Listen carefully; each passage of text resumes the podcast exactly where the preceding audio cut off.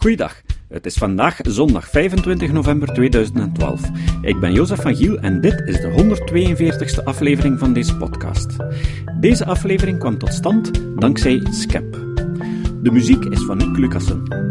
In november en december 2012 organiseerde de vereniging Skep in Gent samen met de humanistische vrijzinnige beweging vijf discussieavonden onder de noemer Het Denkgelag.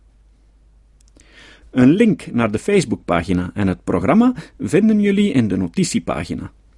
Vandaag horen jullie het tweede deel van Het Denkgelag over Leven zonder God. Goed, uh, we hebben dus bij het binnenkomen jullie allemaal een uh, formulier gegeven met drie vragen. De eerste vraag was: Is religie nuttig of heilzaam voor onze samenleving? Uh, we gaan daar een paar dia's van krijgen. Bijvoorbeeld zijn er mensen die zeggen: Ja, dat is natuurlijk heel heilzaam. En dan verwijst men dus naar Moeder Teresa. Een volgende. Of mensen die zeggen nee, het is toch niet zo heilzaam. En dan verwijzen ze naar Abraham, die op een bepaald ogenblik de opdracht kreeg van God om zijn zoon Isaac te, de keel over te snijden. En hij ging het ook doen. Tenzij, allee, hij heeft het dan niet gedaan, omdat een engel net voor hij toesloeg hem tegenhield. Dus nu, wat was het antwoord van jullie? Ja, dat is een dia die we daar hebben tussen gestoken omdat we hem mooi vonden. Goed, heeft geen, enkele, geen enkel belang. Dus, is religie nuttig of heilzaam voor onze samenleving? 26 van jullie vinden van wel, dat dat beter afgerond op 30, want 70 vindt van niet. Dus ongeveer hè, 70 tegenover 30, dat is ongeveer de verhouding, 26 tegen 70. Dus uh, 70 vindt, nee, religie is niet nuttig. Jean-Paul van Bendegem. Goh. hmm. Als ik als logicus, nu uh, zoals Filip het zo mooi zei, we komen uit dezelfde achtergrond. Als ik een vraag zie staan, dan is mijn eerste bedenking altijd, wat zijn de vooronderstellingen van die vraag? En ik heb, ik heb daar een probleem mee. In de zin dat, ik ga er eigenlijk vanuit dat uh, als ik kijk naar wat uh, evolutionaire biologen, cognitieve psychologen, noem maar op, mij uh, vertellen over religie en alles wat daarmee samenhangt, dan gaat dat er altijd zijn. Bedoel, gegeven het soort beestje dat de mens is. Okay. Ja, dat dus, dus, dus, in die zin, gegeven dat het er al is, is het dan nuttig? Wel, dat is, in zekere zin zou ik bijna zeggen, dat is triviaal. Uh, het is in die zin nuttig dat het blijkbaar een, een, uitdrukking is van een diepe nood die bij de mens aanwezig is. Is het heilzaam? de vraag voor heilzaam zou ik willen uitsplitsen in de twee gevallen. Praten we over religie of praten we over georganiseerde religie? Als we het hebben over wat, men dan, wat ik dan zelf zou aanduiden als godsdienst. Religie, naar mijn idee, kan uh, heel heilzaam zijn. Daar twijfel ik geen seconde over. Uh, het is met godsdienst dat ik een probleem heb. Zodra het een institutie wordt, uh, zodra er aspecten aan te pas komen van ja, zeg maar bekeringsdrang enzovoort, een opleggen van, dan lijkt het mij nog nuttig, nog heilzaam te zijn. Het is niet omdat wij allemaal af te rekenen hebben met gevoelens van doodsangst enzovoort, noem maar op, dat dat je daarom meteen een verantwoording kunt geven voor het bestaan van de instituties. En dan hoop ik, en dan, is, dat, is, dat is een van de, van de redenen voor mijn atheïsme, omdat ik altijd zo blij ben. Atheïsten zijn dermate verschillend van elkaar, die kunnen zich nooit organiseren. Okay. En, en, dat is hun mooiste eigenschap. Daar gaan we straks ook nog iets over zeggen, maar dan zou ik onmiddellijk naar Benne Bernard even willen gaan, want die gaat elke zondag samen zitten om een bepaald ritueel te volgen, om uh, ja, dan samen te eten en zo. Nee, nee, ik, ik ben geweldig voor instituties. Ik ben natuurlijk tegen de kerk van Rome, dat begrijp je toch wel, Jean-Paul. Maar nee, uh, uh, je kunt niet zonder organisatorische vormen. mijn zoon voetbalt, die kan dat ook niet zonder een voetbalclub. Zo simpel is het. Ik, ik heb altijd. Religie het is natuurlijk een. Ja, het is dermate complex. Ik hoor dan mensen zeggen: Ja, ik geloof wel in iets, maar ik kan dat beter beleven als ik in, in mijn eentje door het bos wandel. En dat is, ja, dat is zeker een vorm van religie. Maar dat heeft bitter weinig te maken met wat ik ermee bedoel. Dus er is, er is zeker iets. Maar mag ik even, even op de, vraag. Die, die, de, de vraagstelling. Uh, de, de grote Engelse apologeet Chesterton. Die zei: religie is iets verschrikkelijks. Hij had zich tot het katholicisme bekeerd. Religie is iets verschrikkelijks, maar we komen er nooit vanaf. En als je het zo beschouwt, is het in het christendom nog het beste georganiseerd. Dat soort uitspraken hou ik er wel van. Um, wat moeder Teresa betreft, mijn dochter komt uit haar weeshuis. Dus ik vind dat een fantastisch wijf, moeder Teresa. Leven moeder Teresa.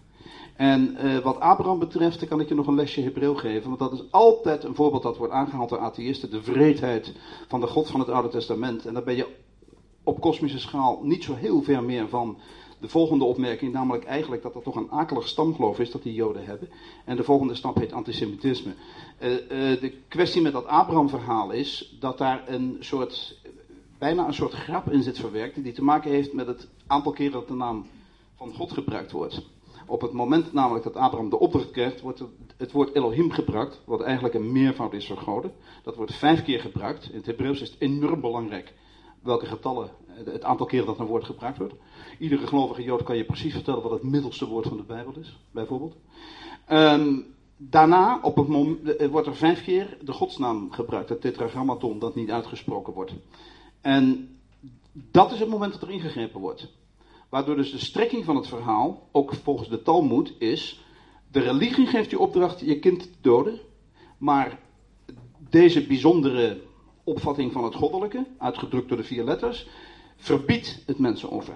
Dat is natuurlijk een heel ander verhaal dan de psychologische versie die wij zo graag op zijn 20e eeuw schreven. Van die vrede God, kijk eens, en die speelt met zijn schepsel. Het drukt iets heel anders uit. Het is een psychologische manier van lezen die helemaal niet klopt. Mag ik, uh, om te besluiten, uh, uw antwoord op de vraag is religie nuttig, is dan eigenlijk toch ja? Ja. De, dat is een veel te algemene vraag, daar kun je niet met ja of nee op antwoorden. Het is een onzinvraag. Oké. Okay. Filip Bukkers. Ja, uh, een zeer moeilijke vraag. Is religie nuttig? Um, ten eerste, puur vanuit evolutionair standpunt gezien, heeft, is, is, is er altijd al religie geweest. Dus het moet, als je eventjes de Darwiniaanse logica volgt, dan moet het een adaptieve functie hebben. Het is interessant dat um, zelfs de evolutionaire psychologen het daarover niet meteen eens zijn. Om het heel kort door de bocht te zeggen. Sommigen zeggen dat het een nutteloos bijproduct is, een spandrel.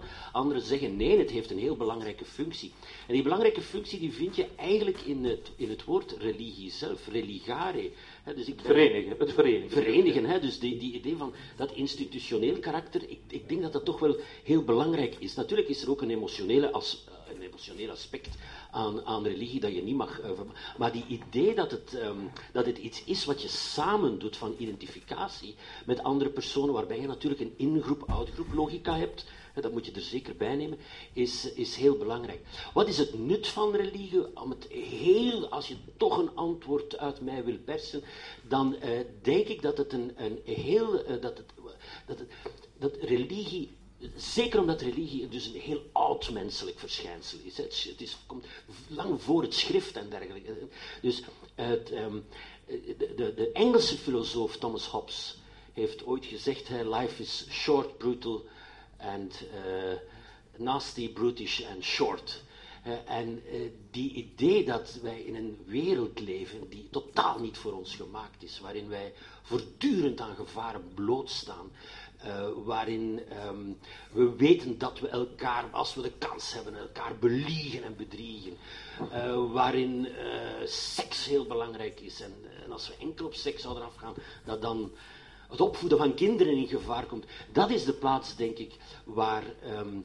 Nu geeft u allemaal argumenten om te zeggen, het is inderdaad nuttig. Nee, nee, nee inderdaad, ja, ja. Dus het, het, dat is een, in, in die zin zou ik het, het, het, belang... Maar ik vind dat, het is niet zozeer in termen van nut, het, het is het belang van religie. Het is een verzoening met een, met, met, met, met een, een nasty maar, world. Mag ik het anders... Ik ga het dan aan Patrick Loobuik vragen. Zou men kunnen zeggen, het nut van een uh, religie en van een godsgeloof kan toch zijn dat daardoor mensen weerhouden worden om het kwaad te doen en aangespoord worden om het goede, te, goede te doen. Ja. Is met andere woorden een moraal eigenlijk wel mogelijk zonder God? Dat zijn verschillende vragen. Een moraal is zeker mogelijk zonder God. Hè. Laat ons duidelijk zijn. Maar um, de vraag, ik denk inderdaad, daar zit een, zit een vooronderstelling achter. Dus je wil eigenlijk van een atheïst horen dat religie niet nuttig is voor de samenleving. Dat zou nu het makkelijkste antwoord zijn, dan kan ik een uh, applaus geven. Maar ik denk als we de religie willen. Uh, nu, ten eerste, de religie bestaat niet. Dus de religie verschijnt als een menselijk fenomeen in allerlei gedaantes. Zowel binnen het christendom, maar eh, ook binnen de islam, en dan zitten we nog altijd maar binnen monotheïstische religies, ook dan het jodendom erbij. Maar dan heb je allerlei andere vormen nog waarbinnen de religie en eventueel zelfs de godsdienst ook kan verschijnen. Dus dat is een allegaartje van verschillende verschijningsvormen. Dus de religie bestaat niet. Dus je kunt ook niet zeggen of dat de religie heilzaam is voor de samenleving of niet. Ten tweede, mijn probleem met godsdienst is dat ik denk dat God niet bestaat. Voor de rest wil ik godsdienst wel analyseren, bijvoorbeeld vanuit de religiestudies, of vanuit antropologie, of vanuit cultuurstudies.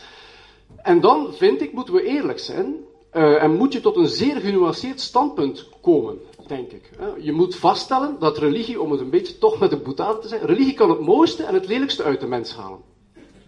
De, de religie is in staat om mensen te motiveren om, uh, het woord Bach, of de naam Bach is al gevallen, om mensen te, te inspireren tot, uh, tot goddelijke composities, maar het is ook in staat om de mens tot verschrikkelijke geweldplegingen te, te motiveren. Hè. Dus de religie is, is een zeer ambivalent, potentieel gevaarlijk, maar ook potentieel goed iets. Hè.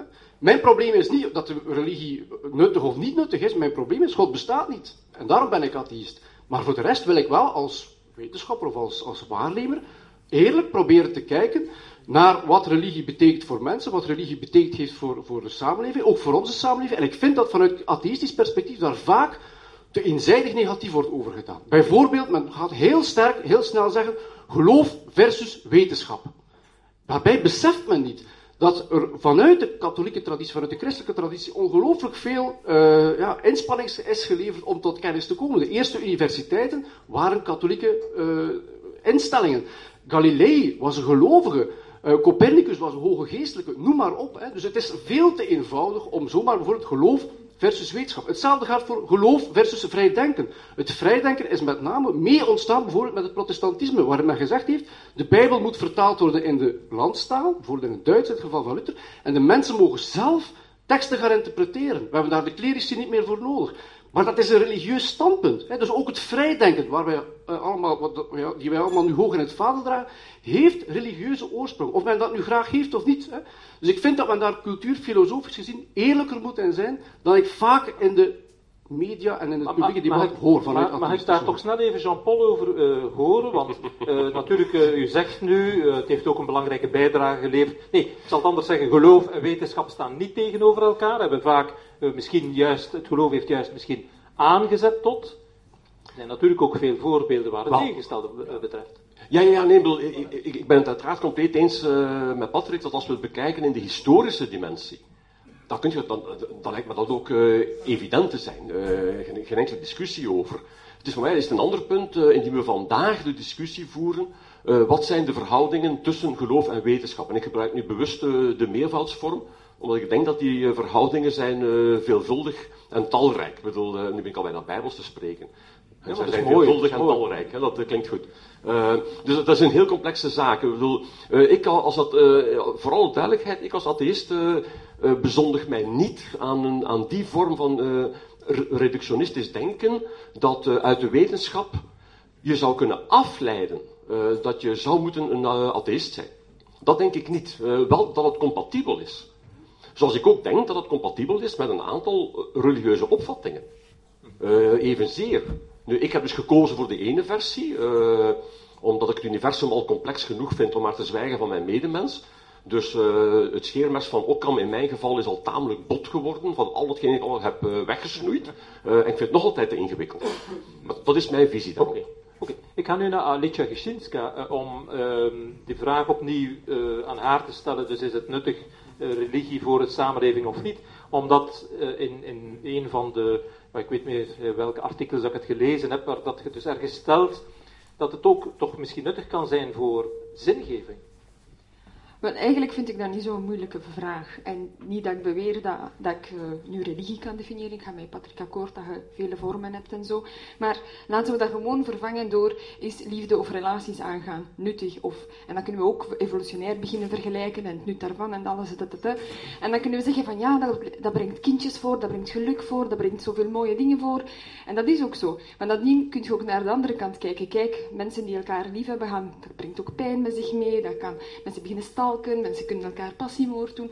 Dus dat brengt ook heel veel slechte dingen met zich mee, liefde. Maar gaan we liefde daarvoor afschaffen of gaan we daarvoor zeggen van liefde is nu slecht?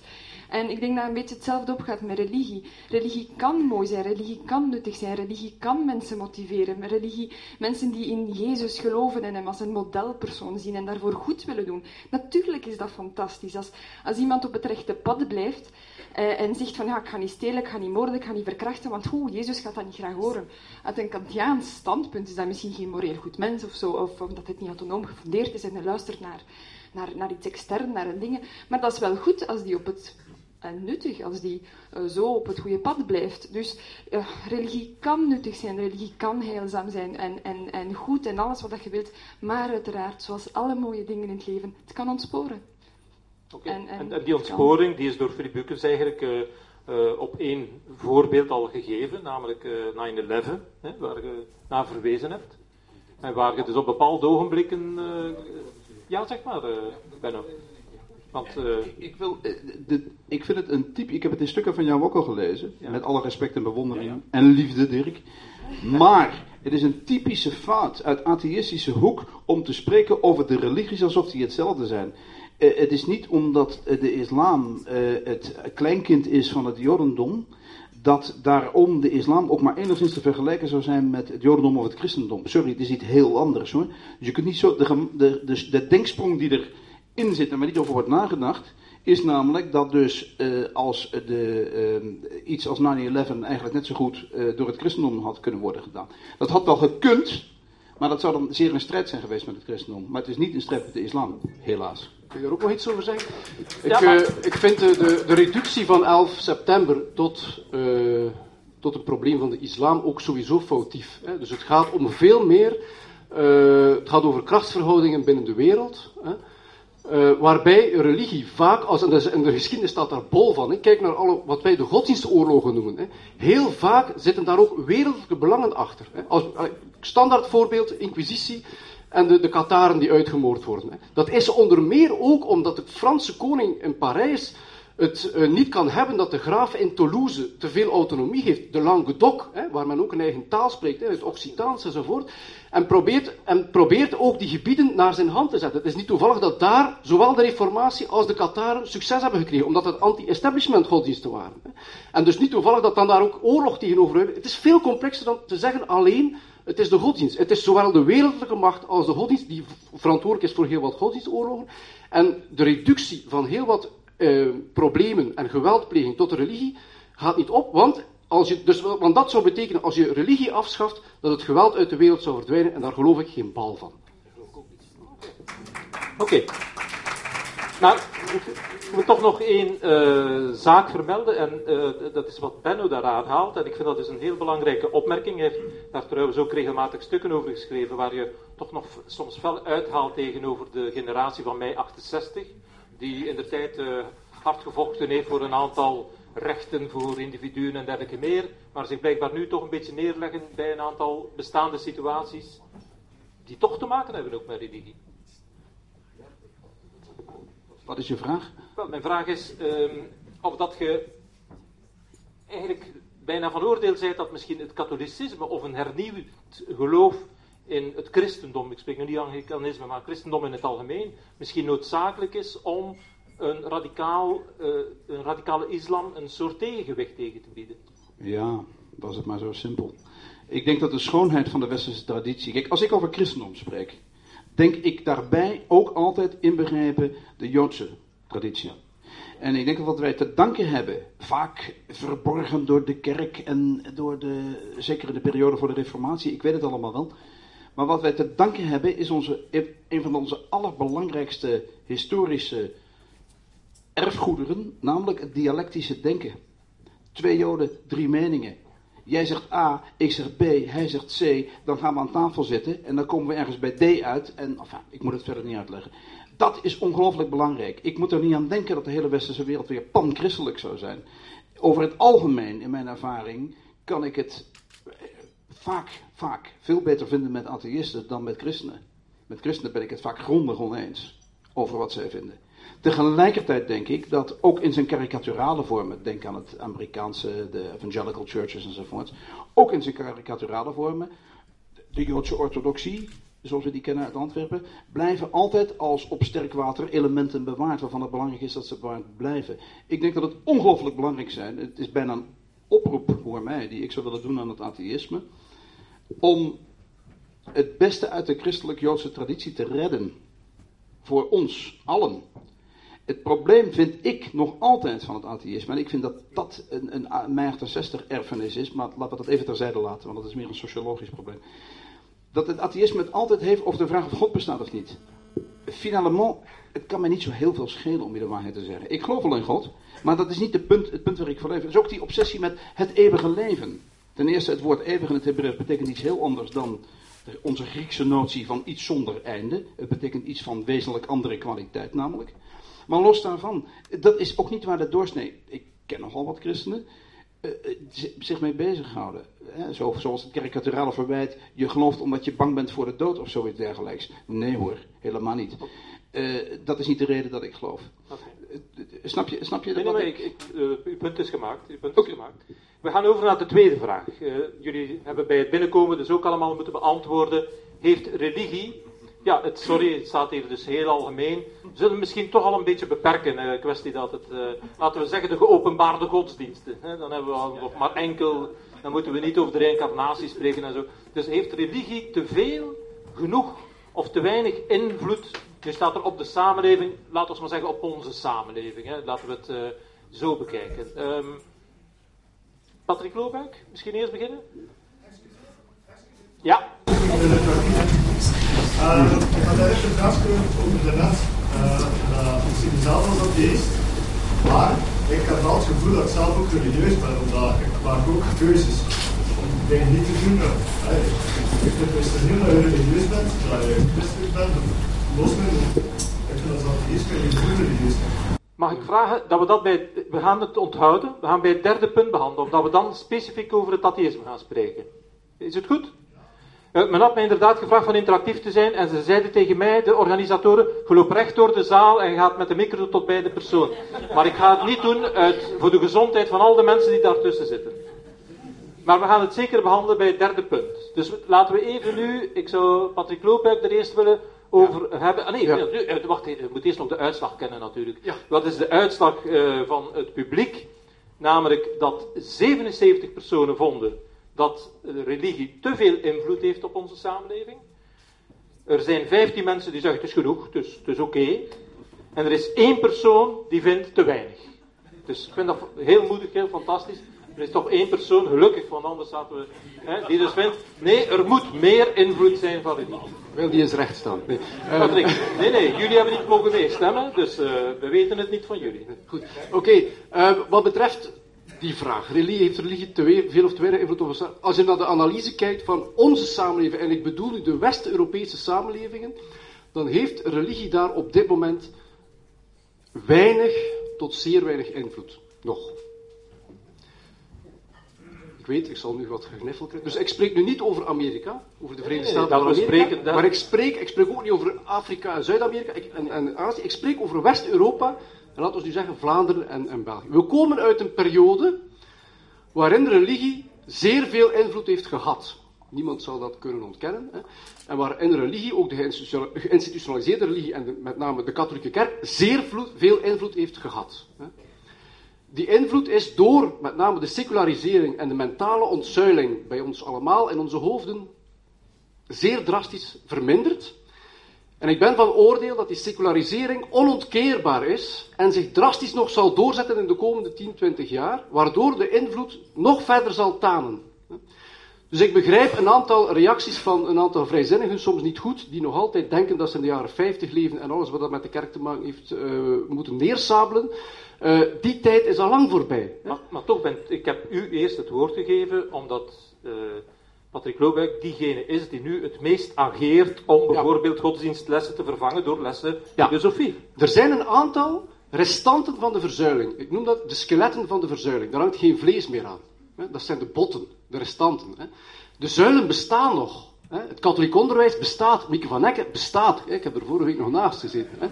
Um, en ze is zwaar, ze weegt zwaar genoeg omdat het is niet, niet gemakkelijk om daar beweging te krijgen rond bijvoorbeeld de levensbeschouwelijke vak. Geen grove uitlatingen, hè? daar sta ik niet toe. Ja. Dat was figuurlijk bedoeld, hè, metaforisch geloof. Ah ja, dat was weer Ehm, ik vind ook dat we nu verder moeten gaan in het eh, zoeken hoe we die skeletten van die verzuiling, eh, hoe we daar anders op een andere manier kunnen mee omgaan. En een van de pijnpunten op dit moment is inderdaad dat religie bijvoorbeeld in ons officieel onderwijs binnenbreekt en godsdienstlessen organiseert. De islam heeft, organiseert haar eigen godsdienstlessen. De protestanten doen dat, de joden doen dat, eh, de anglikanen doen dat ook. Het is maar, maar één iemand of twee iemand, hè. er is geen kat-anglicaan bijna in België. Ehm, ja, ehm, de vrijzinnigen doen dat ook. Hè. Ehm, dit zijn restanten van een verzuild model. Ik denk ook niet dat de, religie, dat de, dat de kracht van de religie op, op dat punt ook nog vrij sterk is. Ook, ook daar moeten we dat niet over, eh, overschatten. Kijk, op dit moment volgt 83% van onze jongeren Rooms-Katholieke godsdienst. 75% zit namelijk in het vrij onderwijs, katholieke godsdienst, daar is verplicht. Hè? En de rest volgt dat in het officieel onderwijs. 83% volgt Rooms-Katholieke godsdienst. Als ik dat in het buitenland vertel van die mensen van hun stoel, die denken dat cijfers van de jaren 50 bovenal. Dat is in Vlaanderen het geval. Maar toch slaagt dat vak er helemaal niet in om jongeren bij de kerk te, betrokken te laten zijn, om jongeren te laten geloven enzovoort. Ik denk wel dat ze er nog in slagen om de CD&V wat macht te geven. Dus dat wel. Hè. Maar ik denk dat ze voor de rest, ook bij de CD&V, religie speelt daar nul... nul eh, Filip Boeikens, eh, heb jij... Boeikens, sorry, ja. Ah ja. Daar zou ik toch wel een, eh, een nuancering willen bij plaatsen. Ehm, dus ehm, ik heb daar straks gesproken over symboolblindheid. Dus dit is Ik heb daar straks gesproken over symboolblindheid. En dat heeft een van de grote fouten die het katholiek onderwijs gemaakt heeft, is je kan religie op een interne of een externe manier benaderen. En de interne manier is de pastoor, de gelovige, die zegt van kijk, dit zijn de artikelen van de kerk. Dat is wat je gelooft, dat is wat je niet gelooft. Zo werkt het. Dat is de rol van de symbolen. Zo zo zit een mis in elkaar. Waarom is de offerande er eerst en pas daarna de consecratie en pas op het einde de communie? Het zijn heel belangrijke elementen die je eigenlijk alleen maar van binnenuit kunt begrijpen. Die je alleen maar van binnenuit kunt begrijpen. En het is heel belangrijk, ik denk, we hebben er straks al gesproken over het nut van religie, maar een van de functies van religie is ook positieve emoties als dankbaarheid bijvoorbeeld uit te drukken. Of een gevoel van het is allemaal goed. Dat is heel belangrijk. Nu, wie daarvoor kiest, dat is heel belangrijk, niemand moet gedwongen worden om voor een of ander, maar wie daarvoor kiest, moet de kans krijgen om een religieuze opvoeding van binnenuit te krijgen. Je kan daarnaast natuurlijk ook nog vakken als filosofie en wereldbeschouwing geven, maar dat zijn externe benaderingen. Is dat goed? Natuurlijk is dat goed. Geen enkel probleem daarbij. Maar ik vind dat het heel belangrijk is, zelfs gegeven wat ik allemaal gezegd heb, dat het heel belangrijk is om, als je kiest voor een religie, ook de interne benadering aan kinderen te willen geven. Voor zover ze daarvoor voor kiezen, en ik weet natuurlijk, er zijn ook problemen, kunnen ze daarvoor kiezen? Dan moet, dan moet het katholiek onderwijs nu islamlessen gaan invoeren en zedenleer. Want hun scholen zitten vol met niet-katholieken. Er zijn hier scholen in Gent met 80% moslims. Benno, Benno? Eh, eh, ja, ik dacht naar aanleiding van wat mijn buurman zei, dat het interessant is te bedenken dat het christendom in de voorbije 40 jaar niet zozeer vervangen is door de wetenschap, maar door de psychologie. Dat vind ik een heilloze ontwikkeling. Als er één verwerpelijk vak is, is het wel de psychologie. Ehm, Ja, daar zal Filip het mee eens zijn, denk ik. en eh, psychoanalyse, psychoanalyse is, is de, de, ab- de absolute, ja, dat is de top der verschrikkingen. Dat ben ik geheel met je eens. Maar ik ben, het, het is juist dat, maar ik vind tegelijkertijd, scholen zouden kinderen een zo breed, en afhankelijk van het niveau van de scholing, een zo breed mogelijk beeld moeten geven van wat bestaat. En eh, dus het vak filosofie is niet goed. Het vak filosofie in combinatie met een overzicht van de godsdiensten vind ik al veel beter. Eh, Mijn zoon zit op een Waalse school, krijgt nu drie maanden lang Jodendom. Ik vind dat schitterend. Ja. Maar au fond vind ik dat de interne beleving door ouders gegeven moet worden. Wij hebben het recht op, zoals in Amerika zo aardig eh, zeggen, to screw them up right. En Dat vind ik een heel... Mag ik even dat vasthouden, wat Ja. je nu zegt? Want er is een, een bekende atheïst in Nederland, Floris van den Berg, die eh, heel fel afgeeft tegenover religie en die vindt dat ouders niet mogen kiezen in de plaats van hun kinderen. En u hebt in het begin gezegd, ja... eh, dat, maar, Dat, dat, Zeg eh, ik, ik, ben, ik ben dankbaar voor het applaus, want dat geeft iets weer van de schifting der geesten. Kijk, de kwestie is deze. Toen ik mijn zoon, toen ik, sorry, excuseer, ik bedoel toen wij onze zoon lieten dopen, was er een vriend die de vriendschap opzei. Die zei, je hebt het recht niet te kiezen voor dat kind. Die krijgt dus applaus van sommigen van u. Wel, jawel, maar zei ik tegen hem toen hij nog niet helemaal met mij was uitgepraat, ik kies voorlopig alles voor hem. Ik kies waar hij woont. Ik kies waar hij naar school gaat. Dat is mijn verdomde plicht als opvoeder. Het is absurd om te stellen dat ik hem dan niet in een bepaalde traditie zou mogen opvoeden. Ik mag hem niet misvormen. Ik mag hem niet eh, eh, een, een, een bepaalde denkwijze inslaan. Maar per definitie, als u uw kind atheïsme meegeeft. Als u uw kind de rechten van de mens meegeeft. Dan maakt u ook een keuze. Dat is onvermijdelijk. Dat is eigen aan het menselijk bestaan. U mag straks spreken. Nu ben ik aan het woord. nee, nee, wacht, wacht. Nee, nee, wacht, even, even wachten. Eerst Benno, eerst Benno. Ik snap niet hoe je dat kunt ontkennen. Ik heb alle respect voor vrienden die hun kinderen atheïstisch opvoeden. Ik heb er geen enkel probleem. Nee, even wachten, even wachten. Ik, ik zal u het woord geven, meneer. Nee, nee, ik ga u onmiddellijk het woord geven. Ik kan Maar- vergelijken wat ik wil. Dat is Benno. mijn vak, want ik ben dichter. Benno, oké, mag ik? Ik ga even, eh, ik ga u nu toevallig Rudy aan het woord laten, kort. Anders. Ik, ik wou even reageren op, Patrick, geloof ik. Ehm, u zegt dat het geen invloed heeft. Moet u eens kijken naar de voorzitter van de CD&V. Jonge man, zeer verstandig en een groot probleem voor, een heel belangrijk probleem voor de euthanasie. En dat is een man die dat meegekregen heeft vanuit zijn jeugd, vanuit zijn religie. Werk daar eens tegen, het gaat niet lukken. Patrick, eh, als u aangesproken voelt, moet wel- reageren. Hè? Ik zeg niet dat er geen invloed meer is, maar de invloed is sterk getaand hè, en beperkt zich inderdaad tot een aantal. En we moeten, ik weet wel dat euthanasie altijd een, dat dat een belangrijk thema is, maar het, is, het va- omvat niet eh, de hele moraal of zo. Hè. Het is, dat is een, een, een thema. Hè. Dat is een onderdeel. Ja. En dus de CD&V is trouwens al helemaal opgeschoven op vlak van euthanasie. Hè. Als, je de, als je de mensen hoort die vroeger in de Senaat tegen de euthanasiewetgeving waren, hè, Mia de Schamplaren bijvoorbeeld, hè, die zegt nu dat de huidige euthanasiewet een goede wet is. Die, had- dat had ze vroeger ze helemaal niet gezegd. oké, oké, oké. Nee, er is een evolutie. Eh, eh, Patrick zijn standpunt is duidelijk, het standpunt van Rudy is duidelijk.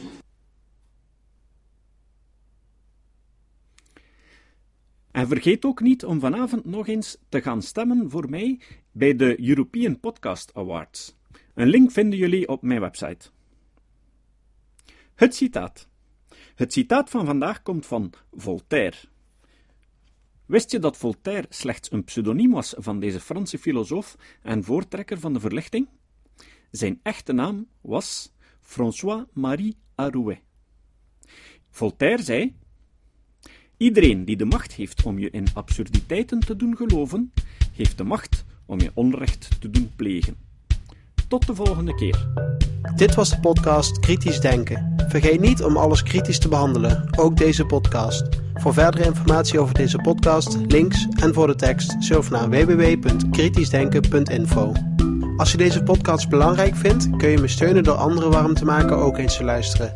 Stuur een e-mail naar vrienden met een link naar de website en plaats de link in de handtekening van je e-mails. Tevens kun je op iTunes deze podcast een beoordeling geven of een recensie schrijven. Of je kan op je eigen website of blog een link naar kritisch denken plaatsen.